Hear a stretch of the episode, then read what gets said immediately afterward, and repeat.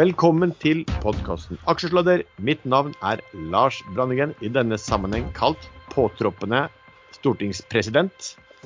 Og med meg har jeg som vanlig IPO-ansvarlig Sven Egil Larsen. ITO. IOT heter det. IPO. IPO. Ok, IP, IPO, ja. ja. ja. Og Jallakongen eh, Erlend Henriksen, som nå er blitt eh, long eh, solinvestor. Long-long. Det vil si at jeg er det til jeg ikke er det lenger. Ja, og sistnevnte, da, som jeg blir long long, da kan du jo bli long, kan du jo fortelle om disclaimer samtidig.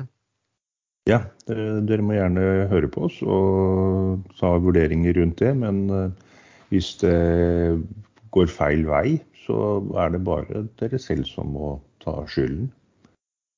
Hvis det går riktig vei, så jeg, kan dere logge inn på nettsiden vår og finne kontonummeret, sende provisjon. Vi ringer råd dersom du hører på hva vi sier her om markedet, aksjer, enkeltaksjer og livet for øvrig, er ansvar helt og holdent ditt eget. Når vi spiller inn programmet, så kan det være feil i det vi sier. Panel og panelgjester kan være lang, kort, direkte eller indirekte eksponert i aksjer, selskaper og produkter som omtales. OK, Sven. Eh, hva har du foretatt deg den siste uken i markedet? Eh, jeg har tegnet meg i uh, emisjonen. I både obligasjonsutstedelse og aksjeemisjon. aksjen i Edda Vind og obligasjoner i Havila Ariel. Jeg har solgt noen obligasjoner i høy LNG, og så har jeg um, treida småposter og litt større poster Eh, i forskjellige saker og ting. Solgte bærderivatene i går, litt flaks, eh, muligens der. Jeg vet da søren. Eh, og så har jeg begynt å se på julekolene mine, Eh, sånn at Begynner allerede nå å posisjonere meg da for, for et lite sånn julekolerally på slutten av året. I hvert fall begynt å kikke på kandidater. Det er bare en snever krets der ute hvor du bor som vet hva julekoler er. Ja, julekuler, da. Men altså, jul, altså julekuler. Altså, jeg syns det hørtes litt kult ut. Men eh, nok om det. Mer enn noe annet. Eh, jeg har treida litt mer enn vanlig eh, siste dagene. Fordi at det har svingt litt. Og det begynner å svinge litt i valutakurser, tyrkiske lire og tyrkisk pepper og hele den pakken der. Så endelig skjer det et eller annet. Men jeg vet ikke helt hva. Erlend, du Ja, du, du har holdt på med en del, forstår jeg, i Sverige? Ja. Jeg eh, var jo litt uh, irritert sist over at jeg solgte Onkopopectix. Uh, Onkoseptides. Nå må dere for faen klare å, ja. å, å, å uttale det dere handler. Men den kursen har jo gått så det gjorde meg innimellom, så det endte med at vi bare satt i chatten og skrev oink oink hver gang den gikk. Og så gikk den så mye etter at jeg hadde solgt, så jeg valgte å slette den fra watchlisten. Men det holdt jo ikke lenge før jeg måtte se hva den kursen var, så jeg søkte da opp tikkeren for å legge den opp igjen, og da søkte jeg på oink. Da fant jeg ikke noe. Men jo, jeg eh, fikk jo aldri kurs under 4,74, som jeg sa sist at jeg trodde den skulle ned til. Jeg trodde den skulle ned til 4,50. Den stoppet på 4,92 etter å ha vært oppe på sekstallet. Eh, så jeg lot den gå. Og så gikk den 50 her i, i går, tror jeg det var. Og da så jeg på det og tenkte at dette er jo, det ser jo voldsomt sterk ut. Så jeg kjøpte meg inn etter at den hadde gått 50% opp, og fikk med tre kroner til. Det er baller. Nesten, nesten tre kroner til. Så solgte jeg meg ut, og den fortsatte jo 16,25 solgte jeg på, og så gikk den til 17,90. Og tenkte jeg at ja, ja, det var jo dårlig salg igjen, og så ramla den ned til 15-tallet. Og da tenkte jeg nå var jeg kanskje ikke så dårlig likevel. Og så ser jeg nå i dag, har jeg ikke fulgt med, men jeg ser at den har vært oppe på 23,90, tror jeg det var. Nå er han 12,88. Ikke sant? Så, så, den gikk rett opp øh, og halverte seg ca. derifra før den tok en reaksjon opp igjen. Den var vel oppe på 14-15 etter at den var på 12 første gang. Det er egentlig ganske vanlig at sånne øh, jalla pumpecase, for dette er jo åpenbart en pump når den halverer seg. Da er det ikke, det er det ikke som jeg etter hvert begynte å tro, noen som driver og akkumulerer aksjer her. Da er det noen som har pumpa og pumpa, og så slapp de alt rett ut. Men det kan være en kombinasjon. Eh, man vet jo ikke hva den aksjen er verdt. Det kommer an på hva de får til framover og hvor mye det koster å avvikle det de skal avvikle. Så veldig spennende aksje å følge med på. Den kan uh, gå til 32, som er ditt vanlige kursmål, Sven. Uh, og den kan, gå til 1. Noe særlig under 1 tviler jeg vel på. De har jo IP og de har en del verdier. Oss, jeg, jeg, må bare få lov å skyte inn at, at, at jeg har ikke kursmål på sånne Jalla-pumpeaksjer. Det, det, er kun seriøse aksjer som får uh, kursmål 32 fra meg. Uh -huh. ja, Men jeg kan nevne på noe, altså Bare for å si, si litt om volumet i dag. så er Den som er omsatt mest i Oslo nå, tror jeg er sånn Statoil, eh, Statoil Equinor i hvert fall. Um, som har omsatt for en 440 millioner kroner. Eh, lille Onkopeptides i Sverige er omsatt for 770 millioner svenske eh, på litt under en halv, halv, dag. Du har ikke helt oppdaterte tall for Equinor omsatt for 576 millioner nå. OK. Men jeg ser poenget ditt. Det kan ingen ta fra deg. Men eh, det var onkopeptides. Riktig. Ja, det var riktig. ja, ja.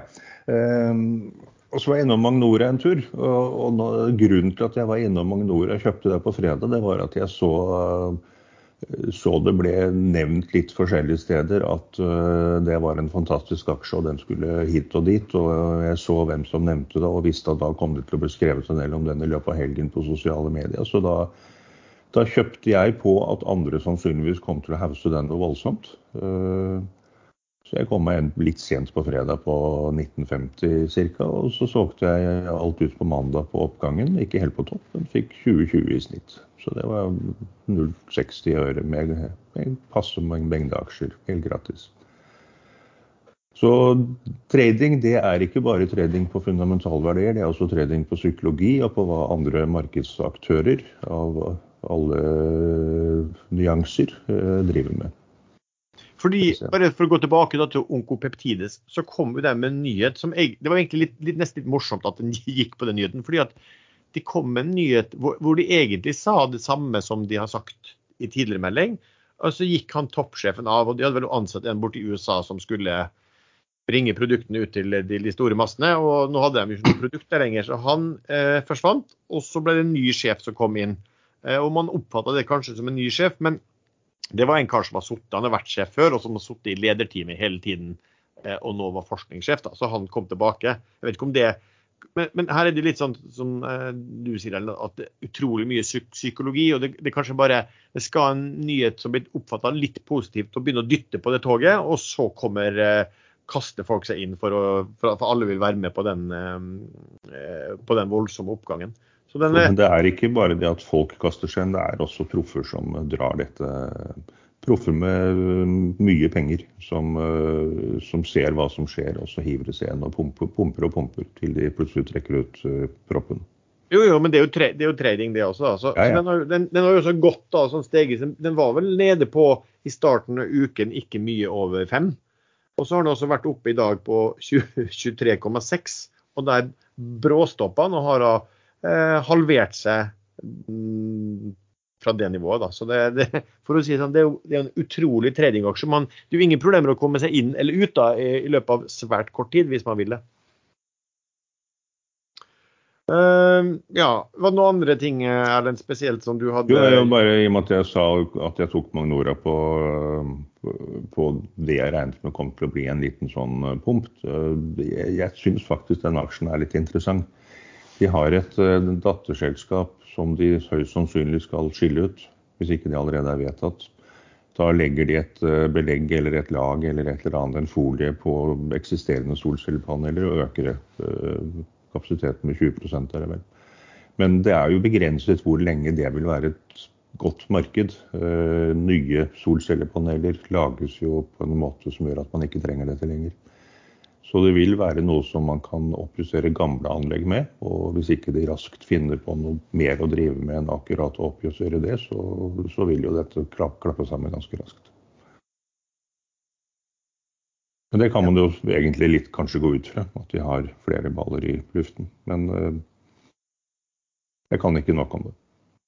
Eh, du har vel gjort en del i rekk også, men kanskje vi skal snakke om rekk litt eh, senere i sendingen og ta det da? Ja, det kan vi godt gjøre. Men jeg, jeg hadde jo da Idex eh, forrige helg, forrige episode, og den kjøpte jeg faktisk mer av på mandag. Eh, solgte litt også. Eh, men jeg kjøpte på vei oppover og solgte da og den oppgangen stoppet, og den gikk et stykke tilbake. Men var, jeg solgte bare 10% eller noe sånt, men jeg hadde økt med ca. det samme like før på høyere kurs. Og så har den egentlig ligget litt sånn flatt over utover uka. Den har ikke klart å stange gjennom 2030-nivået. Det er 330-nivå, og det er litt sånn teknisk mye gammel motstand der. Så nå ligger den på 308-309, og nå er jeg helt ute. Men den kommer nok til å plutselig stikke av gårde. Så jeg håper jeg kommer meg inn igjen. OK. Um, for min del så har jeg vært inne i et par sted ting vi skal snakke litt senere om også. Jeg har treida um, S-banken etter at fikk fra, DNB fikk nei til oppkjøp. Jeg har vært inn og ut der, og har også gjort det samme i eh, Subsea 7. Gikk inn og uh, slapp, slapp, slapp, med skrekken når man kom seg ut eh, der også. Og så har jeg kjøpt eh, eh noe eh, Meltwater, som kom med skuffende tall og falt mye på børsen, men de skal ha en, en eh, kapitalmarkedsdag i dag. Eh, og Det er jo noen eh, veldig bullish analytikere her, men det har det jo i og for seg vært hele tiden mens den kursen har, har, har halvert seg. men som, da, som man kan håpe i dag da, at de skal forklare et litt mer rasjonale hvorfor de på mange måter investerer mer i vekst enn i, enn i resultater, hvis, hvis, man skal tro hva, hva selskapet sier og um, megler seg. Så det er, mer sånn, det er også en sånn kortsiktig å se om det vil bidra til noen ting. Uh, og bortsett fra det så har jeg altså kjøpt uh, det som heter um, Arctic Bioscience. de kom med en melding om at de har fått patent i USA på noe sånn ekstrakter fra silerogn til behandling av diabetes. Eh, og da lå det en eh, som hadde, som hadde, ligget der en stund. Det lå en ganske mye aksjer på 17. Um, og ofte når man snakker om patenter i USA, så bruker markedet å like det. Um, og da tok jeg en god del av den posten. Så kom de da også med ja, noen meldinger om, eh, om, at de åpnet, eller startet med fabrikken de skal bygge på Ørsta. Det fikk de omtale i TV 2 og NRK. Så den kursen er vel nå på ja, den har gått fra 17 til den var vel over, godt over 20, da, men har falt tilbake. Var på 19,5 eller et eller annet sånt nå. Um, sånn sett. OK. Um, vi bruker jo da ha en bit, eh, Sven, som du er eksperten på, som går på ja, emisjoner og, og nedsalg. Hva, hva er det som skjer i markedet nå? Jeg er veldig glad for å ha fått denne her eh, emisjonærstillingen eh, som eh, IPO-ansvarlig i panelet. Så det setter jeg umåtelig stor pris på. Endur har vel egentlig vært den eneste i uka som var, som har satt en emisjon på 75 øre. Rungende suksess. Har venta lenge på den. Ble oppjustert til 170 middel, var det vel.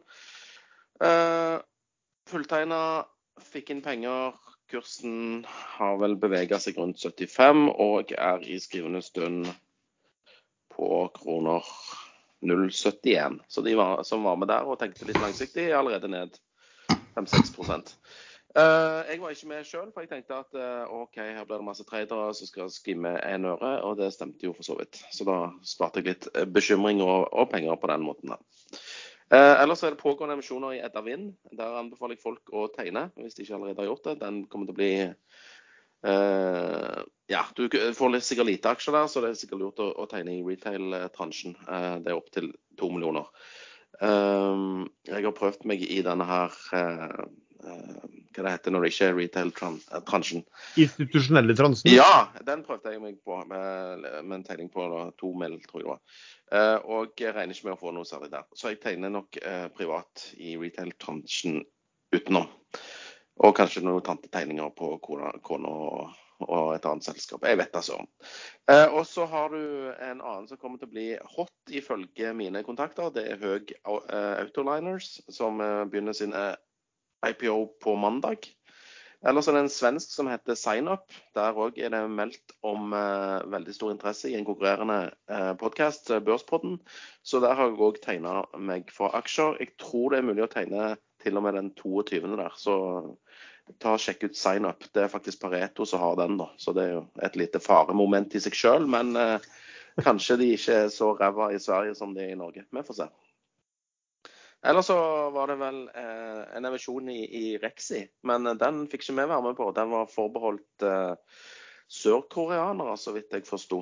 Eh, og ble gjort på 20 kroner. Så eh, flinke Røkke igjen, men altså, skal du kjøpe Rexi når Røkke egentlig selger? Jeg vet da søren. Vi får se.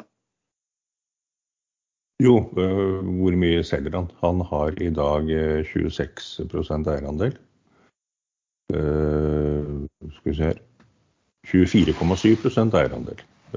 Etter den transaksjonen hvor han selger seg ned noe til den samme kjøperen som rettet emisjonen gikk til, så vil han og de begge ende opp med 16,67% ja, Men han lar seg jo vanne ut, da. Eller Aker, lar seg, eh, Aker Horizons lar seg jo vanne ut med at det er kun sørkoreanere som putter penger i dette. her. Men de trenger gjerne eh, dette silikongreiene fra, fra Rexi da, framover i sin egen produksjon. Ja. Så for de så er det mer verdt enn f.eks. meg og deg. Men der skjedde det altså både emisjon og, og nedsalg. Og så har det vel ikke sånn organisert, men det, det skjedde også et nedsalg på brukbare beløp i Okea. Ja, tre millioner aksjer ble gjort til var det 22? Jeg tror det var 22. Uh, og Der ser vi jo fra aksjonærlisten i dag at uh, Harald Espedal sitt uh, vennefond Salt, Salt, Value, eller hva det heter, de tydeligvis tegner seg. Og i tillegg har Spetalen og Fredelig begge fått 750 000 aksjer. hvor mange de har igjen nå, det får vi se om noen dager. Hva ligger, hva ligger den OKR på? Den ligger på 24,5 den nå? Den er litt opp. Jeg treda faktisk litt OK i går på 22. 22,30-40 til rundt 22,80, eh, så vidt jeg husker. Skal vi se. Okea nå er 24,5, ja. Så der har de gjort eh, greie kroner. Ja. Og de er vel neppe langsiktige, for å si det sånn, på Ja, you never know. Men eh, det, jeg, jeg, tipper det er en finansiell plassering. Skal vi ta og snakke litt om REC-dealen da? Altså Røkke har jo vist å være en, hva skulle du si, en fantastisk eh, selger. Um, du har vel nevnt i eh, forrige episode Sven, at når Røkke selger, ikke vær kjøper. Uh, og eh, det er jo godt gjort, da. Nå er det jo ikke mer enn et par år siden han kjøpte Røkke-aksjene fra Ultvedt Moe, og det var på, på 1 kroner og 30 øre eller noe sånt. Eh, og så er det jo godt gjort når aksjekursen var, var, var rundt 15-16 kroner. Det er godt gjort å få gjort et nedsalg og en rettet emisjon mot en industriell aktør på 20 kroner, altså omtrent 30 da, over, eh, over, børskurs. Det er ikke så mange andre som bruker å få til det. Nei, men, men han, han, har jo ikke Eller eh, sørkoreanerne de trenger jo noe som REC tydeligvis produserer. og da Altså, Det passer mye bedre for de å betale litt for å sikre seg tilgang til disse råvarene, enn en finansielle investorer, liksom. Dette er jo en del av uh, pakken til Biden, hvor han skal uh, fremme produksjon av solceller innenlands. Hele, hele verdikjeden.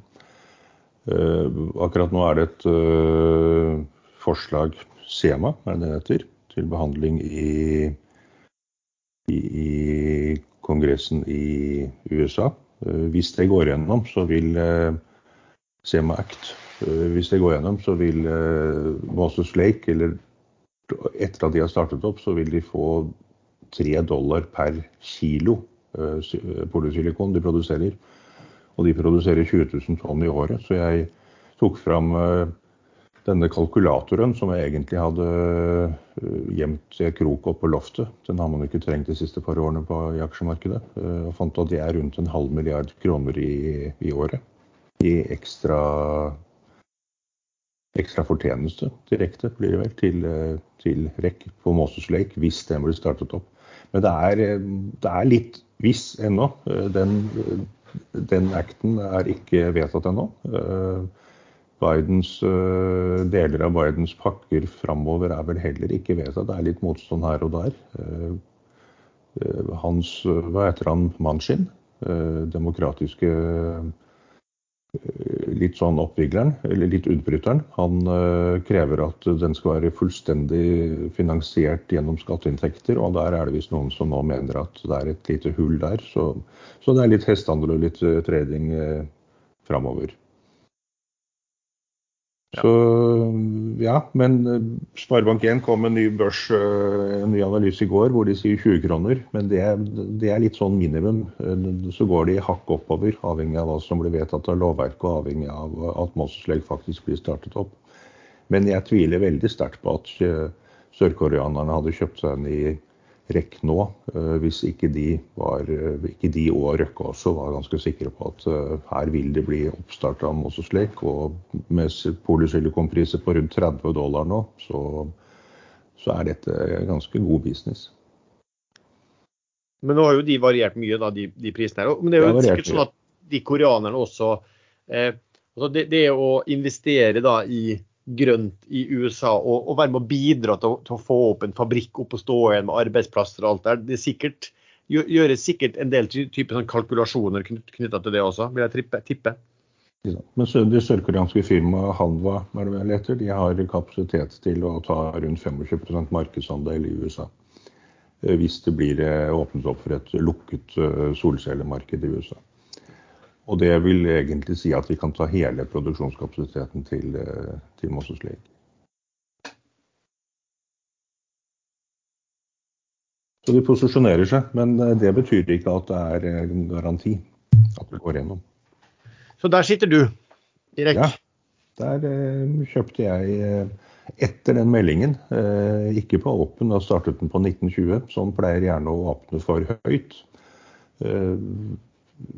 Det betyr ikke at kursen skal til 20 at noen har gått inn en rettsemisjon på 20. Så den falt og falt, og jeg begynte å kjøpe på 1778 fikk jeg faktisk eh, kjøpt. Og så økte jeg to ganger til den dagen. På høyere kurs. Den falt ned til 7,31 eh, på det verste. Så jeg har snitt på 18,34 nå. Ja, pent det. Det er på 19, Hva den på nå? Nei. Nå er den akkurat så vidt under 19. Eh, det har vært oppå 1930. 1939, nei. 1890. 1891 for øyeblikket. Uh, eh, 1950 har den vært på i dag. OK. Uh, det var rekk. Uh, la oss snakke om noen som har fått litt smell. først så kan vi kanskje snakke om, om um, Subsea 7. Jeg nevnte vel det i forrige episode, at det var en jeg vurderte å kjøpe meg opp i før tall. Fordi jeg forventa at de tallene ville bli gode. Eh, og det gjør også. Jeg kjøpte, kjøpte ganske mye dagen før tall. Våknet opp glad, tilfreds, så at de på alle tall hadde eh, slått eh, estimatene med god margin. Så for meg at her De har jo legga egentlig andre sammenlignbare selskap, og de hadde jo falt fra noen og 80 kroner fordi at Q2 var god, og her tok de revansj på Q3 som, som var litt indikert av de også via en del innsidekjøp. Men så, Sven, hva var det da Det er jo litt sånn lærerikt når, man, når man, et regnskap kan være veldig bra, men så var det noe som sto i det regnskapet også? Nei, altså når du går tungt inn i noe, så pleier jeg, eh, og jeg ikke er med sjøl, så pleier jeg å lete med lys og lupe, er det det det heter? Etter hva som kan gjøre at du ikke tjener penger på dette. her. Så da fant jeg fram til guidingen, og den var slapp som uh, hengemikken til Henriksen. Uh, og folk ser framover. Nå var det litt skurr på linjen der igjen. Han var like slapp som hengemikken til Henriksen. Hørte du nå? Ja, det, det var Vi tar den på bakrommet etterpå, Sven. Nei, helst ikke. Men altså, Guidingen var, var slapp. da. De sier at uh, 2022 blir et mer eller mindre et pauseår. Uh, og at festen fortsetter i 2023. Og det, de som har enda mer penger enn Lars, de ser på sånne ting. Og uh, de ah, faen, vi gidder ikke holde denne her i tolv måneder til, liksom. Så da bare solgte de på relativt gode tall, da. Altså, Jeg òg siktet på tall og tenkte faen, nå kommer Lars til å tjene masse penger. Og så tjener ikke jeg noen ting. Uh, og så Da ble jeg sur, og så da måtte jeg bare uh, finne ut at å nei, han, ja, han, han, kommer ikke til å tjene så mye likevel. Og så, og så, og så, ble, og så smilte jeg litt. det går jo begge veier, dette ikke sant, Lars? Ja, ja, ja. ja. Det er sånn små barns store gleder, det man sier? Men altså, når vi, når vi, er sammen om et case, da jeg, jeg, jeg var ikke helt overbevist, for alle skrek jo 'kjøp, kjøp, kjøp'. Og de, de samme folka sier jo òg fortsatt 'kjøp Subsea 7', det blir fest der om en stund. Men altså, det, det ble fest Det har man sagt der i 17 15 år, har man ikke det? Jo, men altså, det er jo et bra selskap. Og de har jo spunnet av denne her vindsatsingen sin i Seaway 7. Så jeg tror eh, på, eh, altså, på lang sikt så er det bra. Men altså, vi er jo noen kortsiktige jævler. Så vi gidder jo ikke sitte og vente i et år til, til festen skal starte. Nei, nei. Men de, de, de, må gjøre noe med navnet. De kan ikke hete Subsea. De som kan romertall, vet at C, C står for 100. Subsea blir jo da under 100. Så de må uh, Sub M, det er under 1000. Da, da blir det fart i starten. Over, oversea. Men altså, det hele konseptet de sier at de holder på under havoverflaten da. Ja, er det det de driver med? Det har ikke noe med aksjekursen å gjøre. Det var vel de som mente at de kunne bytte navn da, til, fra Subsea 7 til Sub, sub 70 eh, når de, 70 når de gikk under 70. Men det som, var, det som skjedde, var jo også at eh, fra morgenen så gikk jo den eh, kursen opp en eh, 3-4 Ehm, så så jeg du påstå også, Sven, at eh, ja, de forventningene var ikke de store. Og så kom det også tidlig fikk jeg en notat fra en analytiker på det som ok, påpekte jo det, det her da, at det, det, var ikke noe særlig vekst. Men egentlig er at de så ut som de kom til å ha en del sånn kapitalbindinger og Capex i 2022 som gjorde at et, et håp liksom om at de skulle komme tilbake på ut, i utbyttemodus det kom til å eh, så vel lite sannsynlig ut. Eh, og da tenkte jeg men det her høres jo ikke bra ut. Eh, så da var det jo egentlig bare å, å um, smukke ut. Så, så, lykken ble jo da på en måte hell i uhell, og jeg vet ikke hva man skal si. altså Man hadde jo uhell at det var guiding, men og hell med resultatet. Men i alle fall, de hadde kjøpt dagen før, den ganske store mengden, de kom ut med en gevinst på. Men så satt jeg jo med en god, en god del derfra før. Um, som, som, har vært bra å sitte på. Uh, men de ble sluppet ut på litt lavere nivå. altså sum Summerer akkurat den dagen der uh, ble jo minus, da. Men de, de jeg hadde kjøpt dagen før, de ble, de dro, de ble det bra pluss på, i hvert fall. Så, du Sven, jeg har en klage. Når, når, jeg er ute og ro, styrer litt med engelsken min, så, så, kommenteres det med en gang. Det gjør du også, Lars. Men når Lars sier Capex, da er det ingen som sier noe. Det er norsk for Capex. Nei, det er ikke norsk på Capex. Kapitalekspansjon. Det kan være notoddensk. Der har jo ikke strømmen kommet ennå, så de vet jo egentlig ikke De har ikke fått med seg de siste moderne tingene som skjer. Capex. Men, men i alle fall, Subsea er jo da litt interessant fordi at de er jo en stor aktør som har mye skip innenfor, altså innenfor subsea-området. Og du kan jo se altså Det er jo stor optimisme for mange sånne typer supply-selskap som har båter innenfor det segmentet der.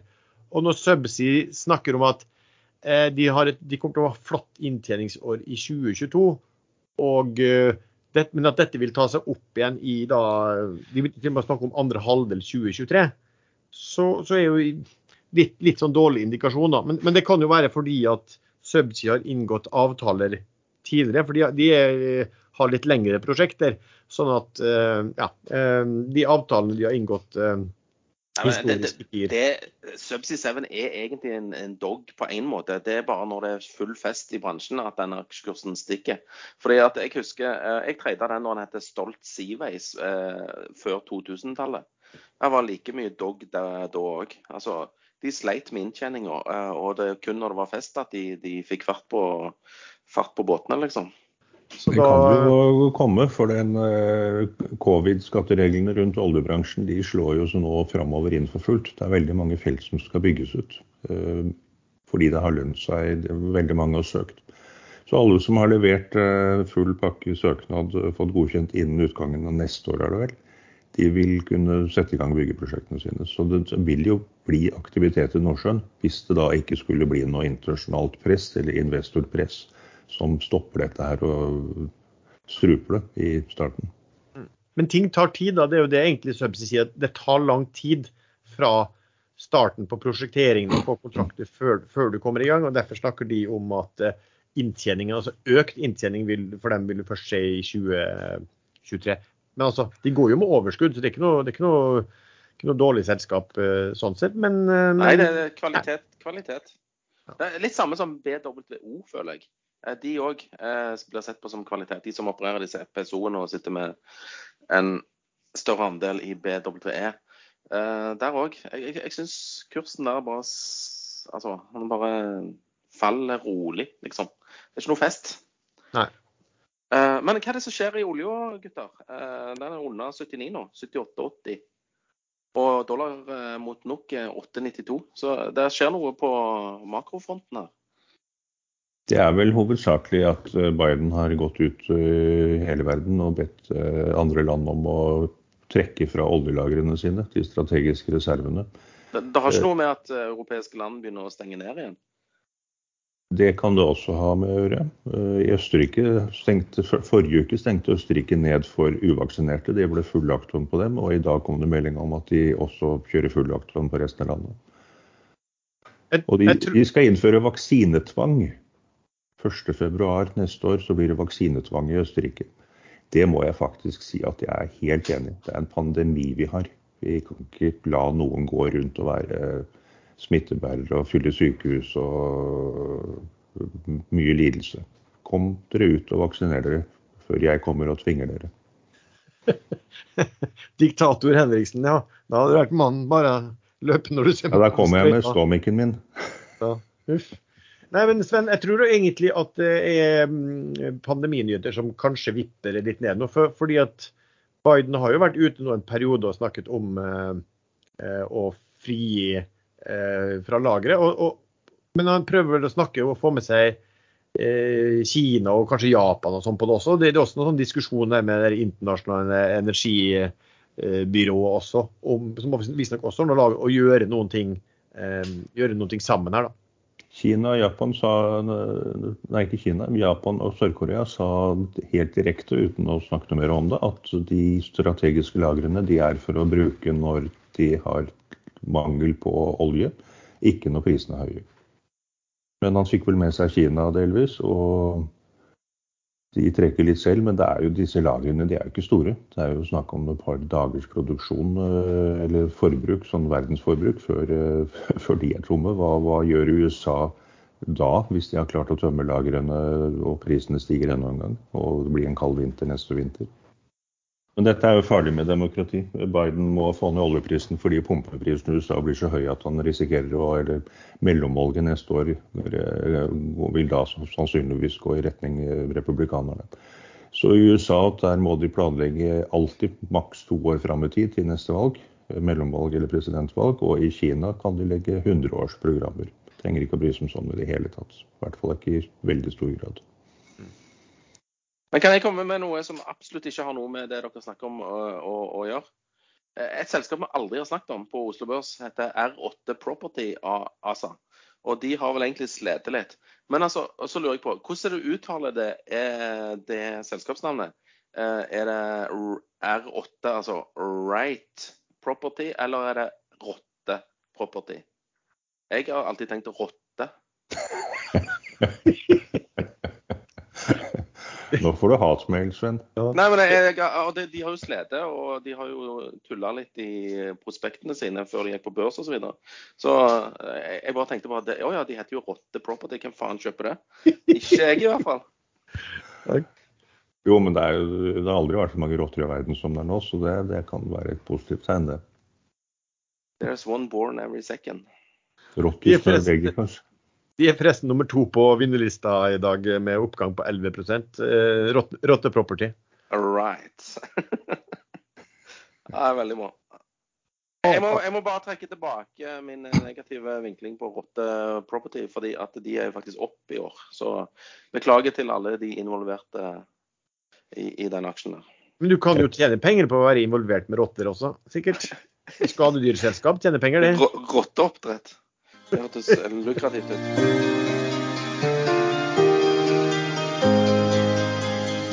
Denne episoden er sponset av IG.com. Har de børshandlede produktene som du liker å handle, andre åpningstider enn det underliggende markedet? Med IGs Turbo24 har du mulighet til å handle turbovalenter døgnet rundt på ett investeringssparekonto. IG har døgnet rundt-handel på indekser, råvarer og valutaer, men tilbyr også aksjer i henhold til ordinære åpningstider. Åpne opp en tradingkonto på bare noen minutter på ig.com, eller last ned appen. Lenken til IG finner du i beskrivelsen til denne episoden.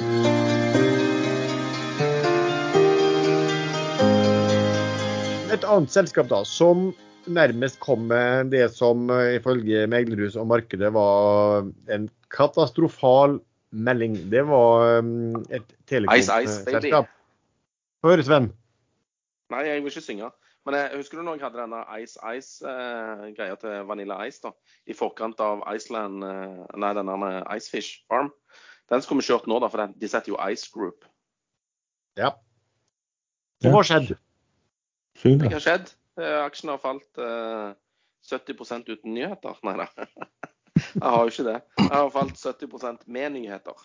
eh, om at de må betale tilbake noen eh, lån. eh, altså de har for mye lån i forhold til eh, egenkapital og kontanter, sånn at de er en skvis. Må betale ned noen lån de har vært uenige med långiver om en stund. Og så må de hente 2,5 milliard kroner i ny egenkapital for å kunne betale eh, disse lånene. Så det er jo altså det er skikkelig skvis. Og største aksjonær, er en eh, sånn Hvor er det han kommer fra, han, eh, han største aksjonæren der? Det var noe sånn denne østeuropeisk, ikke Russland, men Ukraina, tror jeg. Han ville ikke være med og, og, og spytte inn mer kapital, men han kunne godt eh, konvertere gjelda si, så han har til gode en konvertibel, til, til aksjer. Så ja, jeg lurer på hva kurs de klarer å hente de 2,5 milliardene når største eier med 62% av aksjene ikke gidder å være med. Det, det skal bli spennende. Eh, så ja. eh, det du egentlig sier, er at uh, innimellom så burde man faktisk kaste inn håndkle. Og si at Jeg tror kanskje de bare skulle liksom eh, samle inn kortet og, og, og, og begynne på ny runde, liksom. Jeg tror kanskje det hadde vært mer skånsomt for de involverte. Men eh, de har eh, mandatert eh, Pareto, selvfølgelig, til å hente 2,5 milliard. Så jeg venter telefonen any minute. Det kan vel kanskje være at de kutter kursmålene sitt nå. For jeg så på at i, i september i hvert fall, så da hadde de faktisk kutta kursmålet sitt fra 30 til 22, så er Pareto. Um, og nå er vel kursen da, eh, hva var den nå, på under 5? Ja, han er under fem, ja. Ja, og Arctic kutta vel også i dag fra 25 tror jeg, til, til 5 også. Så um, da blir det vel fort um, ja, under der, da. Men, men ja, nei, det er jo litt sånn Det har vært et selskap som jeg, jeg kjenner andre som har sett på det også, som har syntes at det har vært utrolig mye gjeld. Og det, det har vært ganske høy eh, rente på det også. Og mange har ment ja, kanskje at noen av disse Jeg vet ikke om han store aksjonæren eller om han har tjent godt på å, å låne selskapet penger. og ja, nei, altså, De må hente mye penger, og det er det der når, når, når man må hente penger eh, på dårlige nyheter, da, da blir det ofte tøft. Altså, og I hvert fall når store aksjonæren klart og tydelig sier at han skal ikke inn med en krone. Da, da blir det enda verre. De begynte jo dette, dette selskapet begynte jo egentlig eh, Jeg tror det heter AI eh. For de, de skulle kapitalisere på det gamle mobilnettet i Norge, NMT 450-frekvensen. For å tilby internett til, til fjellheimen, altså hytter i fjellheimen og, og, og grisgrendte strøk der liksom ikke den nye generasjonen mobilnett eh, hadde dekning. Så de skulle gjerne bare holdt seg der oppe i fjellheimen og vært en liten, eh, liten butikk. Men nå skulle de liksom bygge ut et helt parallelt nett i hele Norge. Og det koster masse penger. Så jeg tror det er det som felte de. Sven, hva betyr NMT, da? Det sa du nettopp før sending. Nord, Nordic Mobile Net. Telefoni, noe sånt noe. Ah, okay. Men det var jo oppstart, det var jo forløperen til GSM-nettet. Og det var nordmenn som sto bak. Eh, Hva het den, det norske selskapet? Simonsen var de som hadde telefonen, i hvert fall. Men jeg vet ikke om det var de som lagde nettet. Ja, det var noe, eh, sikkert noe NTNU-bakgrunn på de som fant opp dette her. Så Norge fant opp både ostehøvel og mobiltelefonnettet. Ja, Bindersen har vi ikke funnet opp, det er bare fake news. Men eh, nei, eh, og så stakk jo Sverige og, Finland av med, med, med alle godene, da. Men eh, tilbake til dette Ice. Jeg tror ikke den aksjen nå kommer til å få seg en monster i kyl da om noen dager. Nå går den opp til 10 kroner igjen plutselig. Ice? Det er ikke... Ja, så det, det, Det kan jo 62 bli et av aksjene gigantisk vakuum. Ja, ja. 62% av aksjene er jo låst hos andre ukraineren eller uh, hviterusseren, eller hvor han nå enn kommer fra. Hvordan vet du at det, eh, i den grad det er låst, da? Når han ikke, hvis han ikke vil tegne Han- han bare seg, så kan han jo være i stand til å se. Nei, Jeg snakket med han nettopp, og han sa at de var låst. Ja. Kan du gjenta den ukrainske samtalen du hadde? Yes, they are Ja, det sa han sa, eh, og det sier jeg, eh, altså dette er helt eksakt. Yes, they are locked. Det var det han sa. Du og dine oligarkkontakter, det må vi stole på. Nei, det, det, jeg, jeg- har ingen garantier for at han ikke selger, men hvorfor skulle han det? da? Han skal vel stemme gjennom dette her og, og konvertere gjeld til aksjer, så han kan få selge de. Ellers får han vel null, null da, hvis de skal avvikle eller gå konkurs. Ja.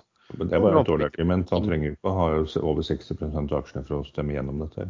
Sannsynligvis Nei, men det blir jo dårlig stemning da hvis han plutselig selger seg ned. Men det driter vel han egentlig. Oligarker pleier å drite i vanlige folk. Men- Ja, men jeg, jeg tror det kan bli tradingmuligheter i denne Ice eh, Group-aksjen. Ja, på, på, et, på et eller annet nivå, men spørsmål, du tror ikke at det først skjer etter at de eh, får, eh, får lukka den emisjonen, da? Tror du Det det kan komme men det før? var tradingmuligheter i går òg. Jeg tok på 5.06 og solgte vel på 5.50. Og han gikk sånn fra 5 til 6 og så ned til 5 igjen. Så det er alltid Men er- muligheter. Men er det noen, var, det noe, var det noe særlig likviditet i den? Ja, det var kjempelikvid. Men de har jo høyst sannsynligvis ikke en emisjonsfullmakt som er på 200% av dagens antall aksjer, så de må innkalle til en ekstraordinær generalforsamling og vedta dette før de nye aksjene kan leveres i markedet. De kan godt kjøre rettet emisjon før de vedtar det. Da kjører man rettet emisjon Ja, ja jeg, jeg, jeg lurte litt på det. Fordi at eh, når da eh, største aksjonær Eller han kan jo egentlig selge tegningsrettene, ja. jeg, jeg lurte ikke likevel. Så de kan vedta emisjonen og faktisk få inn pengene, og da vil det stå i prospektet at dette forutsetter at eh, det blir vedtatt på generalforsamling. Eh, Men i og med at han eier 62 allerede, så kan jo han bestemme eh, hva som skjer egentlig. Ja, så det kan da være et argument for at dette kommer til å bli vedtatt uansett, at han ikke kommer til å dumpe de aksjene heller. Så med, på kurs fem kroner, da har han vel tapt sinnssykt mye penger. Han har sikkert eh, tjent på andre områder. Ja, kanskje han har tjent på låneområdet. Det er jo ikke sikkert at vi Du vet jo ikke hva han hadde for, for inngangspris her. Nest største er forresten Rasmussen-gruppen, som eier 10 Ja. Men det er akkurat samme som Fredriksen i Sidrill. Han har jo tjent masse penger på Sidrill, selv om de har gått konk to ganger. Ikke sant? Det blir i hvert fall interessant å følge med hva som, eh, hva som skjer da. Men en eh, svært ubehagelig eh, dager har det vært for de som eide aksjer, i hvert fall når den, når den dundret ned på, eh, på, den, på den meldingen. Minner meg litt om det der selskapet Anytel. Husker dere det?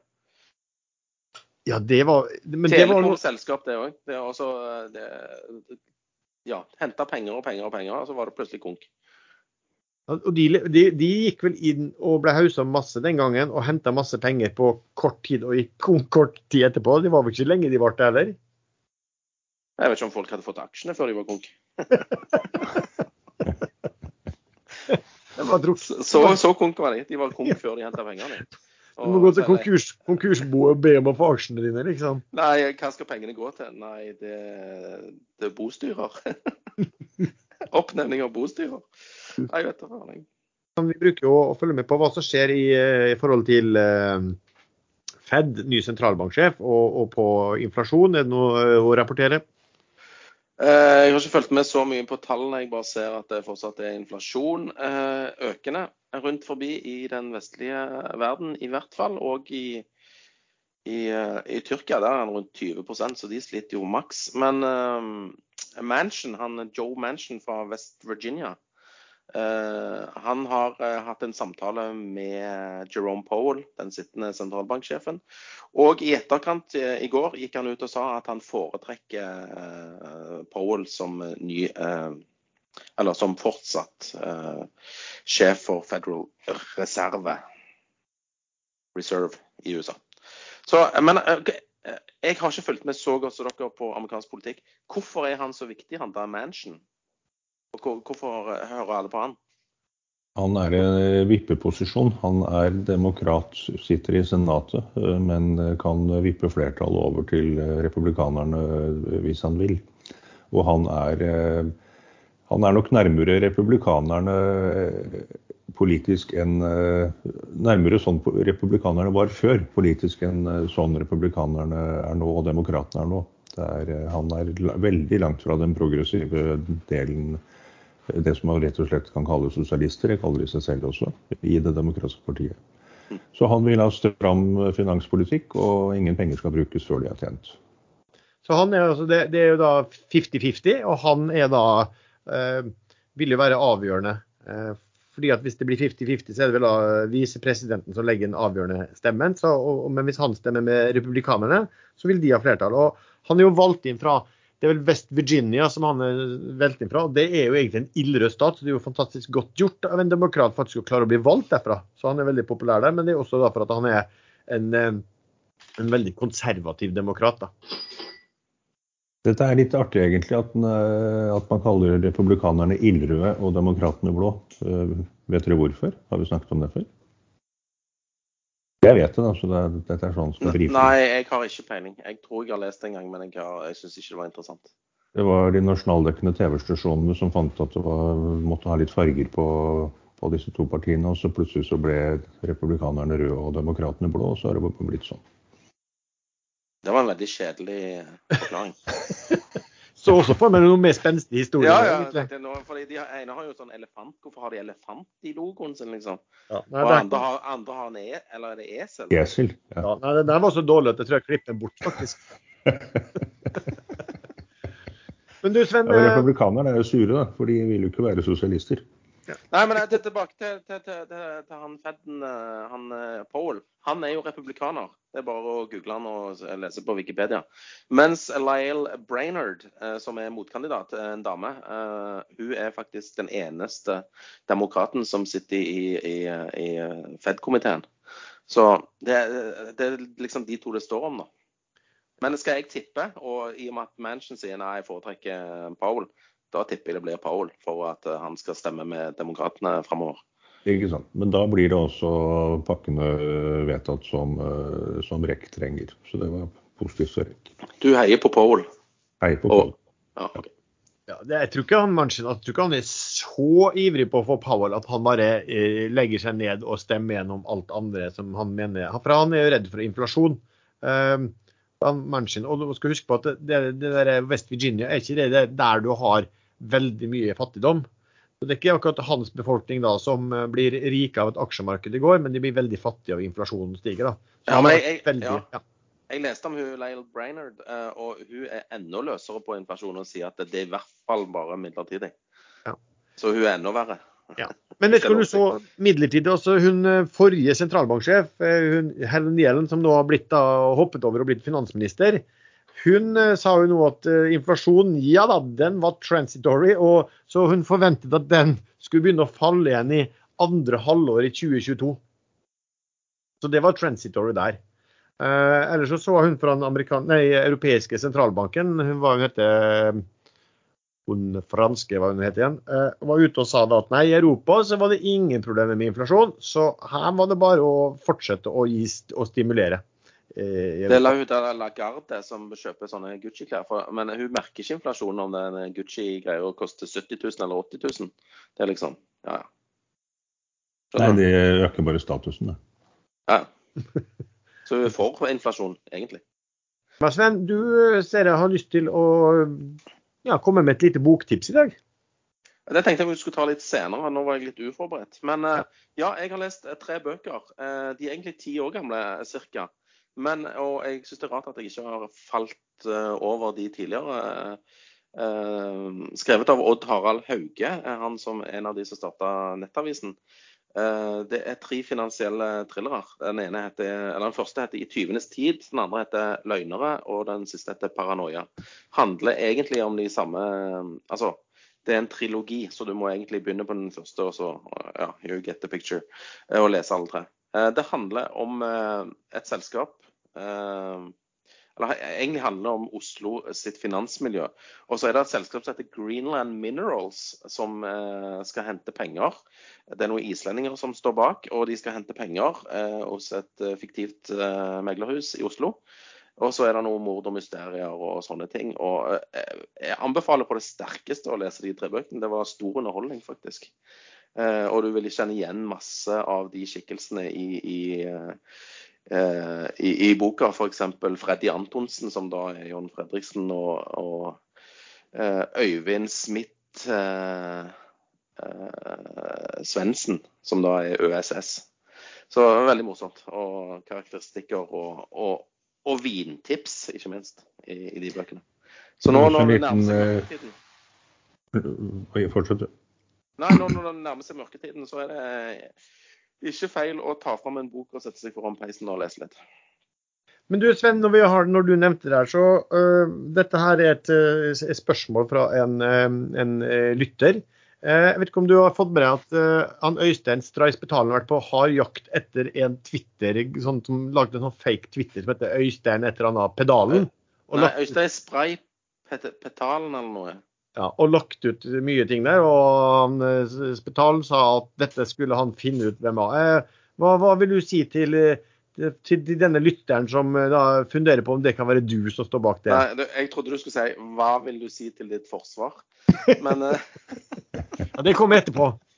Nei, det er faktisk ikke meg. Eh, og jeg syns Øystein er flink, jeg. Så jeg har ikke noen parodikonto der i går. Jeg kan si at den, den lytteren, det var undertegnere her, og regnestykket ja. også. Du er slem. Slem. Men jeg må jo si at jeg forstår Spetalen godt. her. Én ting er å harselere og ha det litt moro på hans bekostning, men hvis jeg har lagt ut bilder og trekker inn hans familie i dette, her, så, så er det Da syns jeg man skal finne ut hvem det er, og ta dem ordentlig. Riste dem hardt. Det er jo enig i hans indre krets, så dette er ordentlig sjofelt, dårlig Sånn gjør man ikke. Men når det er sagt, så syns jeg godt eh, Øystein Spetalen kunne kommet seg på Twitter. For jeg tror han har ganske mye sterke meninger om ting og tang. Så han eh, trenger ikke bare å ha de sånn lukka WhatsApp-grupper, liksom. Få det ut. Ja, han gjorde jo det før valget. Han var jo ganske aktiv på, nyhets, eh, på intervjufronten i TV på TV. Jo, men kulere med litt sånn små bitende kommentarer på, på Twitter, egentlig. Ja, ja. Kom, han kunne bli han får komme på ekstranester i stedet. Ja, eller han kan få bli med i podkasten òg hvis han ikke uh, sier altfor mye uh, sånn hva, hva er støtende. Det, det forbeholder vi oss retten til å gjøre sjøl. Så har det vært en, kommet en artikkel i dag som jeg kan referere til, som sa det at vindkraft var ulønnsomt. Det var Equinor sin eh, Doggerbank-utbygging, som jo vel er verdens største pågående eh, vindkraftutbygging. Som eh, forskere som var leid inn av Energidepartementet, hadde foreslått var ulønnsom. Uh, og Vi har vel snakka litt om og vært i tvil eh, med disse vindkraftene, og i hvert fall på de, de, senere der man betaler veldig mye for lisens. Men da jeg så litt nærmere på hva som sto der, så var det sånn at OK, de var ikke ulønnsomme, de var mindre lønnsomme enn dagens eh, altså enn hva Equinor hadde av lønnsomhet på andre virksomhet, altså dvs. Si olje. Eh, det var pussig. Og, ikke sant. Eh, og, så det, det, jeg tror de slo fast, var vel at internrenten på det prosjektet, det var ikke den så høy, da, men internrenten på, på Doggerbank-prosjektet var 3,6% da. Altså 3,6% pro anno er vel det man antar at de vil tjene på, på den biten der. Men uh, man finner helt sikkert uh, gamle artikler som uh, beviser at oljeproduksjon i Norge, oljeutbygging i Norge, vil være ulønnsom. Ja, altså, du, du, vet, du må gjøre utrolig mye antakelser da, ikke sant, i framtiden på prisbildet for å, før du kan konstatere at dette har du break, altså tilbakebetaling på 17 år. Det, hvem vet hva, hvordan, ja, hva, som, hva som, gjelder om, om, bare noen år fram i tiden, hvis du begynner å se på, på olje f.eks. Ikke sant? Og så må man ta med kanskje de 20 000 arbeidsplassene som vil bli etablert i Norge pga. vindkraftproduksjon i sånne regnestykker. Det vet jeg ikke om det er gjort. Neida. Og 3,6 er likevel høyere enn en, renten som en stat måtte betale, for å si det sånn. Så ja. Sånn var det med den saken. Du, eh, ja, masse spørsmål denne gangen også. Et spørsmål her. Eh, når kommer vi med Eh, våre egne juleraketter. Julekuler? Nei, ja, julekuler og nyttårsraketter. Sånn er det.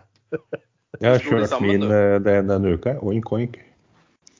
Ja, men det, det kan du ikke Jo, jo, men det er jo svensk. Det er jo sånn han er julemust. Men svaret på det er hva da? Vi skal ta den, den Tredje eller tiende. Den tredje skal jeg på julebordet hos Pareto. Så det passer gjerne litt dårlig da. Så kanskje vi må ta den tiende. jo, Ja, da, er det jo, da har du noe å snakke om på, på julebordet. Jo, men jeg, jeg, jeg, gle- jeg, jeg, har glemt det igjen, da. Eh, når jeg våkner opp. Så har vi fått spørsmål om vi kan si noe fornuftig om eh, Pexip. Du som er fra de eh, breddegrader, Sven, eh, kan vel fortelle litt om hva, hva, hva, hva skjer der? Uh, jeg, jeg, det er ikke olja, vet du. Vet ikke, jeg har ikke peiling. Det, nei det har vært innsidekjøp, og han falt mye. Og noen analytikere begynner nå å si at nå får du Pexip for halve prisen i forhold til i fjor. Med mye større selskap, eh, fire ganger større eller whatever. Og så Nei, jeg, jeg syns fortsatt de er dyre, dyre, jeg. Men det er meg. Jeg ser at eh, det ser ut som en, en, en, det selges ganske mye fra en nomini, så det er vel snakk om at det er en større eier som, eh, som ligger og selger og selger. Eh, og det har vært ganske eh, Jeg tror kom det, kom noe i dag, men det var vel i går det skrev at det var gjort innsidekjøp da på noen og 40 på, eh, for 13 millioner, som jo er voksent, det. Um, så det er jo i hvert fall, for min del så er det i hvert fall sånn en som er one, one to watch å passe på. Men man Mulig- kan mulig ikke kjøpe et selskap som heter Pexit. Exit. Det går ikke, det. Pexip med P i begge ender.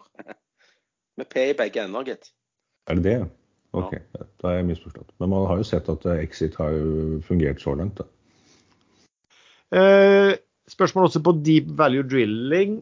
Eller driller heter de vel. Der har det vel vært noen transaksjoner som gir en eller annen verdistøtte, Sven? Det er noen tyrkere som har kjøpt en drillingbåt eh, for 180 mill. dollar, og så må de legge på 50 for å få den eh, i, gang eh, for noe drillingvirksomhet i Tyrkia. Bruker du samme verdivurdering på DVD, så er DVD verd dobbelt av dagens børskurs, sånn cirka. Men det er en veldig enkel analyse, og det er masse forskjellige spesifikasjoner som kan være litt forskjellige på de to båtene. Men eh, uansett et bra datapunkt for de som er opptatt av riggverdier, og spesielt boreskip. Eh, fått spørsmål om eh, S-banken. For der har jo det kommet eh, Der kom det jo nyhet i, i uken som vi ikke fikk du med deg, Sven? Nei, Erlend? Ja, DNB fikk nei av Konkurransetilsynet. Eh, Og det er jo en, eh, det er jo et tema i seg selv. Hvordan kan EU, EØS, Europa tro de kan være konkurransedyktige mot USA og Kina når man hvert enkelt land har konkurransemyndigheter som passer på at ingen institusjoner, finansielle andre blir for mektige innenfor sitt eget land, når de andre store konkurrentene våre ikke har det.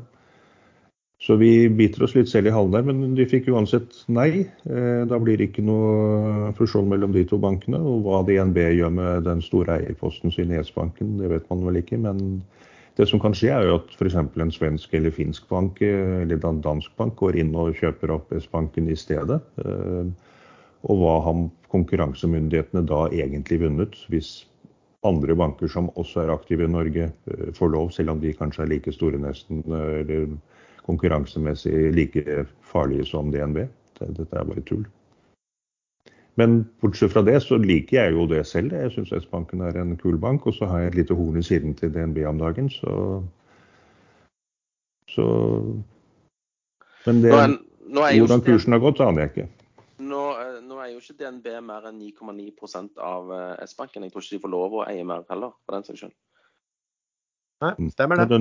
Ønsker du deg eie 9,9% øh, nå når de fikk nei? De kan i hvert fall blokkere for uh, sterke konkurrenter. La oss si f.eks. at uh, Nordea ville kjøpe det. Da sier jo DNB nei. Så det er, det er, jo, det er jo et problem. Altså, um, budet da var jo uh, ja, Etter at det ble talt ut noe utbytte, og sånt, så tilsvarte vel budet 104 kroner per aksje. Den gangen det kom, nå har det jo vart ganske lenge, da var jo det ganske bra premium på alt av eh, norske banker. Men Jeg elsker måten du sier premium på. Premium. Er du fornøyd nå, Erlend? Nei, det heter premium. Ja, ja, men nå tok Nå- jeg den. Nå sa? Lars det riktig. Nei, han sa premium. Ja. Ja, det er jo feil. OK. Når dere to er uenige også, så blir det jo veldig lett her. Nei, nå, Eh. nå skal jeg gjøre Erlend en tjeneste og liksom arrestere Lars på feil uttale. Og så tar han jo og setter ballen i eget mål likevel, Andre Henriksen. Men i alle fall, S-banken falt da ned på mm, 90, steg litt igjen og har glidd litt ned igjen nå og er på 91,5. Kan fort være interessant å kjøpe på. fordi at um, det som skjedde mens dette her har foregått, ja, disse bruduljene de skulle få tillatelse, er jo at alle andre banker har steget ganske mye. Så det gjør jo at i dag så er vel ikke S-banken priset noe sånn spesielt høyt lenger eh, i forhold til eh, de andre. Og så er det jo akkurat dette her da at eh, man snakker om at det kan komme andre bud. Altor er vel de som eier eh, en dominerende andel, eller en stor andel av eh, 20, 25% har de. Ja, og det er veldig mye i, en bank. Og de er jo da på, åpenbart eh, på selgeren. Um, så her er jo spørsmålet om Én er jo om DNB kan klage og få tillatelse likevel. Eh, og to, kan det komme andre på banen? Eller tre, kan det være sånn at DNB bare setter seg inn og tenker at ja, ja, det blir en grei investering. Ingen andre skal få, um, få, få plukket den uh, ja, plukka den banken. Jeg håper eh, Konkurransetilsynet er like firkantete som eh, DNBs kontrollavdeling er. Og at de ikke svarer på mailer eh, eh, ja. Men du, apropos det, Sven. Det er bra du sa, Erlend. For jeg vet ikke om du fikk med deg det som sto i, står i Dagens Næringsliv i dag? Jo, det fikk jeg med. Finanstilsynet, så du har, du har fått tydeligvis at Finanstilsynet hører på podkasten, for de gikk ut og uttrykte bekymring over hvordan ba banker Eh. håndhevet dette her. Sa du at Finanstilsynet hørte på podkast? Er det noe du skal legge på? ble, ble du nervøs? Jeg, må, jeg må faktisk hente i barnehagen jeg nå snakkes. Ja. Bitcoin har hatt sitt eh, største fall på seks måneder den siste uken. eh, Erlend, vet du hva, hvorfor? Du må gjenta spørsmålet. Hodet mitt var eh, litt borte. Ja, øh, Har du noen forklaring da, til at bitcoin kan ha falt øh, 20% siste øh, uken? Den har jo steget eh, 3000 eh, siden desember 2018. Så det kaller jeg en eh, liten korreksjon. Eh, Bitcoin har jo alltid store utslag.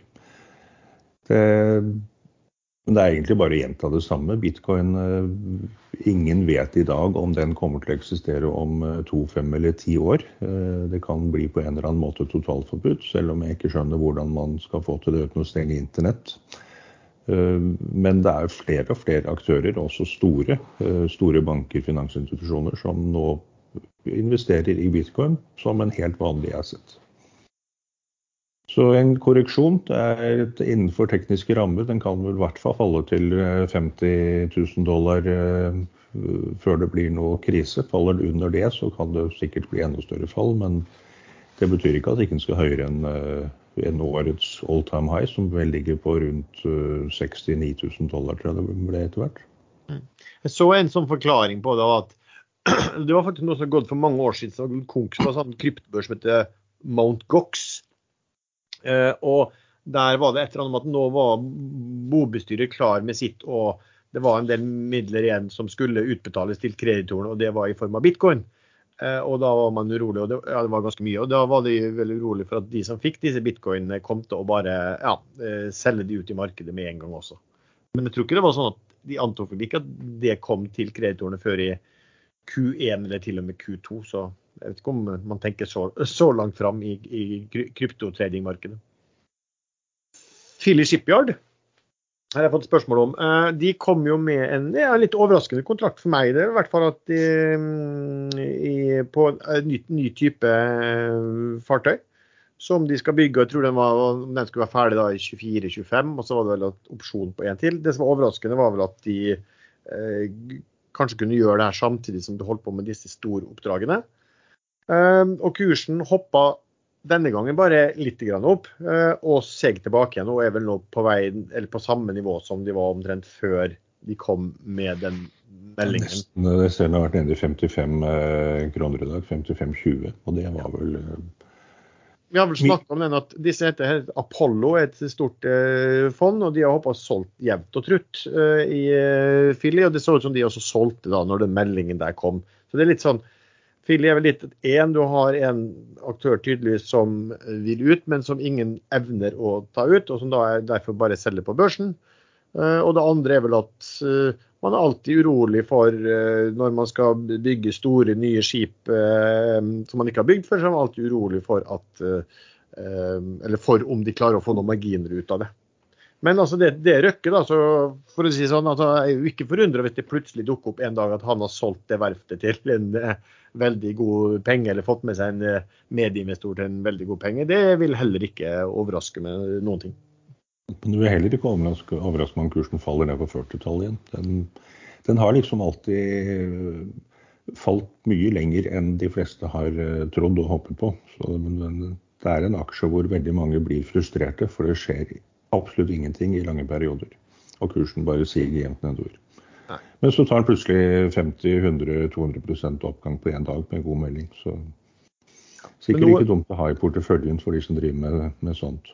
Nei, men nå kom det, var, det var kanskje litt skuffelse nå at det, kom, det gikk så lite opp på en såpass uh, stor kontrakt som de meldte. sånn at uh, Det virker litt sliten kanskje. At, at det, var ingen, det var ikke noe appetitt da for å, for å eh, ta aksjer uansett. Og, og, og de som kanskje hadde vært litt, litt lenge der og, og håpa på at det skulle komme kontrakt så de skulle komme seg ut, de, de fikk kanskje ikke den oppgangen de håpa på. og Derfor ja, vippet de bare ut. Men dollaren eh, hadde begynt, du nevnte vel kanskje litt av den, den har jo begynt å bevege seg ned på 8,90 nå. Ikke lenge siden, eh, mange dager siden den var på 8,40-8,50 i hvert fall. Hva, hva er liksom årsaken? Er det noe sånt samband her? Jeg tror det har med at uh, oljeprisen faller, så da stiger dollaren. Og så Nei, jeg syns det, det er tricky. Jeg, jeg vet ikke. Jeg registrerer det, og jeg sier jo at det er noe på gang, men jeg vet ikke helt hva. Altså, Det er store bevegelser i valutamarkedet og eh, litt nå i råvaremarkedet. Så tenk hvis det bare plutselig faller nå. Jeg er ikke forberedt på det nå, selv om jeg har venta på krakket en stund. Eh, Nå- Altså, nå- nå, er det snart, nå er det snart jul nå, liksom. Nå er det julekuler og Ja. Julekuler Altså- og gløgg, liksom. Ja, det, er jo, det er jo en liten topp av ironi, da, hvis du eh, endelig kaster deg inn og dunker pengene inn i julekuler, og så, og så kommer, en, kommer en liten julekrekk. Det er skikkelig juleknekk. Nei, men eh, vi ville jo i hvert fall aldri mobbet Sven for det. Eh, vi, Nei, trekker ikke fram, eh, nei, vi trekker ikke fram eh, personlige, private nedturer. eh, finansielle nedturer.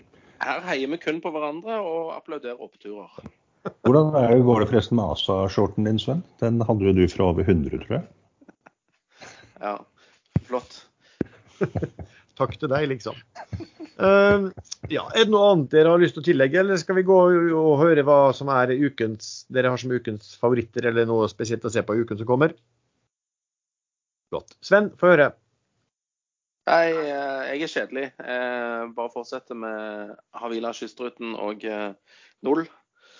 Venter på nyheter. Eh, Ikke så mye i Kystruten, da, for der venter vi på båten. Eh, Den kan du faktisk følge eh, online eh, fra Tyrkia.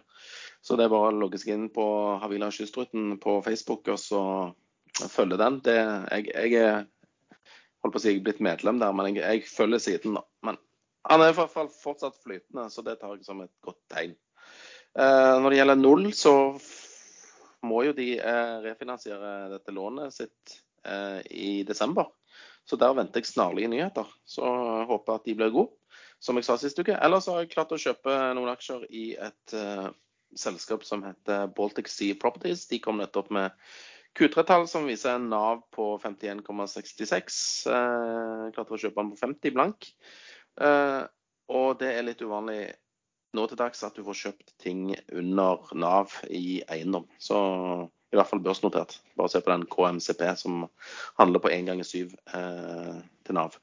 Så ellers så er jeg litt forsiktig, som jeg pleier å være. Men jeg vil ikke ha krakk nå midt i julestria. Og du, Erlend? Ja, det, det er jo REC, og den har vi vel egentlig snakket nok om. Det, der har jeg ganske mye nå. Eh, kommer nok til å Jeg kommer nok til å redusere litt hvis kursen stiger kraftig, men der skal jeg faktisk kanskje prøve å holde på en post, for den har gjerne tendens til å Jeg har sjekket litt historisk. Den har gått både 10- og 20-gangeren før på relativt kort tid. Når det har skjedd fundamentale endringer, og det ser det ut som at skjer nå. Men jeg må selge 5000 aksjer litt senere i dag, for jeg har noen eh, større private utgiftsposter som egentlig er greit å få nullet ut. Men da har jeg eh, nok igjen. Eh, det som ofte er med REC, er at nå har de kommet med én nyhet. Jeg kan bare legge til det. Det ene er Moses Lake, men der sier du selv at det blir ikke oppstart før i 2023 hvis oppstartsvedtaket fattes. Men de fikk nå inn eh, nesten en milliard kroner i denne, eller får inn i denne dealen. Den skal være avsluttet eh, i begynnelsen av 2022. De har allerede nesten en milliard på konto. Og de presiserte også i meldingen at de kommer til å gjøre verdiøkende investeringer i bytte med de pengene. Og det kan jo komme melding om når som helst. Det er jo ikke noe som trenger å vente på. Bytte er den andre fabrikken som de har hatt i alle år, og som går med god overskudd. Eh, og som de er ganske alene om å ha i verden. De har vel 60 av markedet, tror jeg. Så der kan det komme en rekke meldinger, og det, det er det som er fint med, med rekk. At det kommer rekke med meldinger, og kursen går gjerne både 10, og 20 og 30 kroner. Men eh, Naked må jeg bare nevne i og med at jeg har hatt den som en føljetong siden før sommeren. Eh, oppgangen ble dessverre drept av en idiotisk børsmelding eh, om trekkfasillitet som egentlig var gammel. Eh, så den fantastiske oppgangen kom ikke. Men den gikk jo 50-60% den dagen, eh, og så falt den tilbake. igjen. Og i går kom det noen nye øh, hva heter det for noe, uh, sekkmeldinger, uh, hvor de har en emisjon på 0,65. Uh, jeg skjønte faktisk ikke av meldingen om det er sammenheng med det de allerede har meldt, eh, eller om det er noe nytt. Men det var også noe warrants som ble hengt på der, som gjelder fem år fram i tid til samme kurs. Eh, så den tror jeg kanskje ikke er det helt store lenger. Etter, eh, etter at fusjonen er gjennomført, så vil cash-andelen falle fra over 30 cent per aksje Eh, som jo var en veldig god sikkerhet i bunnen da kursen lå på mellom 50 og 70. 0,50 eh, og 0,70. Men den vil falle til 0,07 cent per aksje. Og da er, da er, det langt ned hvis, eh, hvis noen skulle finne på å shorte den aksjen kraftig framover. Så jeg kommer til å følge med på den og se om det kommer en ny inngang, men akkurat nå er jeg helt ute. Uh, Oncocept Onkopeptides den eh, er nå på 1351. Den var en lang lavt tolvtallet etter at den var på 2350. Eh, den kan like gjerne falle 50% til, så måtte stige 50% derifra. Så den avventer jeg også litt. Nå er det det jeg vil kalle ekstrem high risk når man ser at dette var en direkte pump and dump. Eh, da skal man ikke hive seg inn fordi man tror den er billig, når den nå er dyrere enn den var på torsdag eller fredag. Eh, onsdag eller torsdag var den på så opp dit, og det var jo en enorm stigning fra 350 340 var bunnen. Så Idex eh, ligger på lista mi. Eh, ja, det er hovedsakelig det jeg ser på nå. Mm. OK. For min del så har jeg vel et par stykker som kan godt være at jeg har kjøpt det på, på mandag når man hører på dette. For jeg skal se på litt nå etter sending. Det ene er jo S-banken den hadde vært inne og kjøpt før også, når den var på rundt 90 og så gikk den litt oppover. Kanskje man skal uh, ta den, i hvert fall følge med på den. Um, en annen jeg skal også vurdere nå, det er um, NRS, Norway Royal uh, Salmon, som vi har snakket om her. Og denne gangen er det ikke for å be til han Gåsø om at han skal legge noe bud. Det er vel ingen mulighet for det. Eh, men eh, det er vel en tid hvor, hvor ofte eh, lakseprisen går, og den er jo veldig langt under det budet som kom for en periode siden. Pexip, som jeg nevnte, også, er også en som ligger høyt på, på min. Og så nevnte jeg at du hadde jo kjøpt da, i uken kjøpt uh, Arctic Bioscience, som har gått veldig fint uh, etter det det er veldig få som følger med på den. Jeg syns den er veldig spennende, men, men altså det er kanskje vanskelig å si helt hva, hvordan du skal prise det. Det er jo både Nutri og, og biotek-satsing der. Så vi får se om det kanskje blir litt flere da, etter oppslagene i, eh, i TV 2 og NRK, som i hvert fall begynner å følge med på den uh, aksjen der. Den er i hvert fall, uh, i hvert fall uh, veldig, veldig spennende sånn sett. men ingen sånne glassklare nye favoritter. Det var et selskap jeg kjente til før, så ingen glassklare nye ting. men som alltid en del man sitter og ser på og, og venter på og regner på. OK. Skal vi, ta, skal vi ta helg for denne gang, eh, boys? Jeg tror ikke jeg skal bli påtroppende mm, stortingspresident, forresten. Da blir det vel en ny skandale, men det er jo sånn. Da eh, Ja. Jeg, jeg, lurer på hva vi kunne funnet på deg. Oi, oi, oi. Var, for, for, å si det sånn, det hadde jo vært trampeklapp fra media i hvert fall. Vi hadde hatt én per dag. Uff, jeg hadde blitt litt så lei, vet du. Men du hadde jo stukket halen mellom beina ved første anledning, tipper jeg. hadde, hadde vel sagt opp stillingen min før den første artikkelen kom, tenker jeg. Ja. det, var, det kom en ganske morsom kommentarer da, rundt, uh, rundt denne pendlersaken til stortingspresidenten. Uh, det er jo ekstremt alvorlig at de påstår at de har misforstått regelverket når uh, hun samme dame har da andre posisjoner. Hun var vel sjef for Lånekassen eller hva det var. Uh, ordentlig på godt norsk heter det faktisk rævkjørt uh, studenter som har jukset litt på, på hvor de har hatt bosted. Og det samme har Nav-brukere. de når de har jukset litt eller eh, misforstått, misforstått regler, eh, så har de fått ubetinget fengsel. Eh, lånekassestudenter har mistet studielån, og de har ikke fått omgjort studielån til, til stipend, som man ellers ville fått. Så det at toppolitikere, og spesielt da Norges øverste tillitsvalgte, som er stortingspresidenten, kan gå og si at nei, dette har jeg misforstått, det, det holder ikke. Og når hele systemet rundt henne også sier at nei, dette trenger vi ikke å gå tilbake og undersøke. Det er, eh, for det første er det gått over lang tid, og for det andre gjelder det så mange saker som hun, sjefen i en eller annen stortingskontrollkomité klarte å lire av seg. Da er det veldig bra at politiet nå har gått ut og tatt ut, eh, startet etterforskning. Og her kommer det til å bli tiltaler. og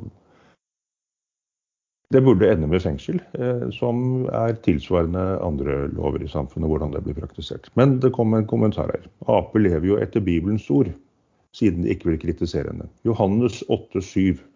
Og da de ble ved å spørre, rettet han seg opp og sa:" Den av eder som er uten synd, han kan kaste den første sten på henne. Så da vet man hvorfor det ikke ble kastet stener på vår stortingspresident. Jeg kan også nevne at det kom en ganske morsom kommentar i går kveld når, um, i eh, chatten på Ekstrainvestor. Der sto det Helsike, sto det. Årets sterkeste salgssignal er observert igjen. Vi har startet Hun investerer-kampanjen igjen. Da ble det kommentert fra Ann.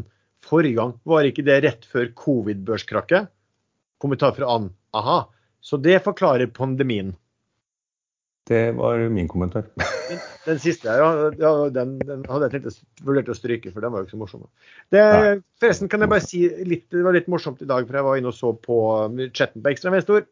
30 000 meldinger er skrevet siste uken, fordelt på åpne kanaler, lukkede kanaler og 1-til-1. Det tilsvarer 4250 meldinger per dag.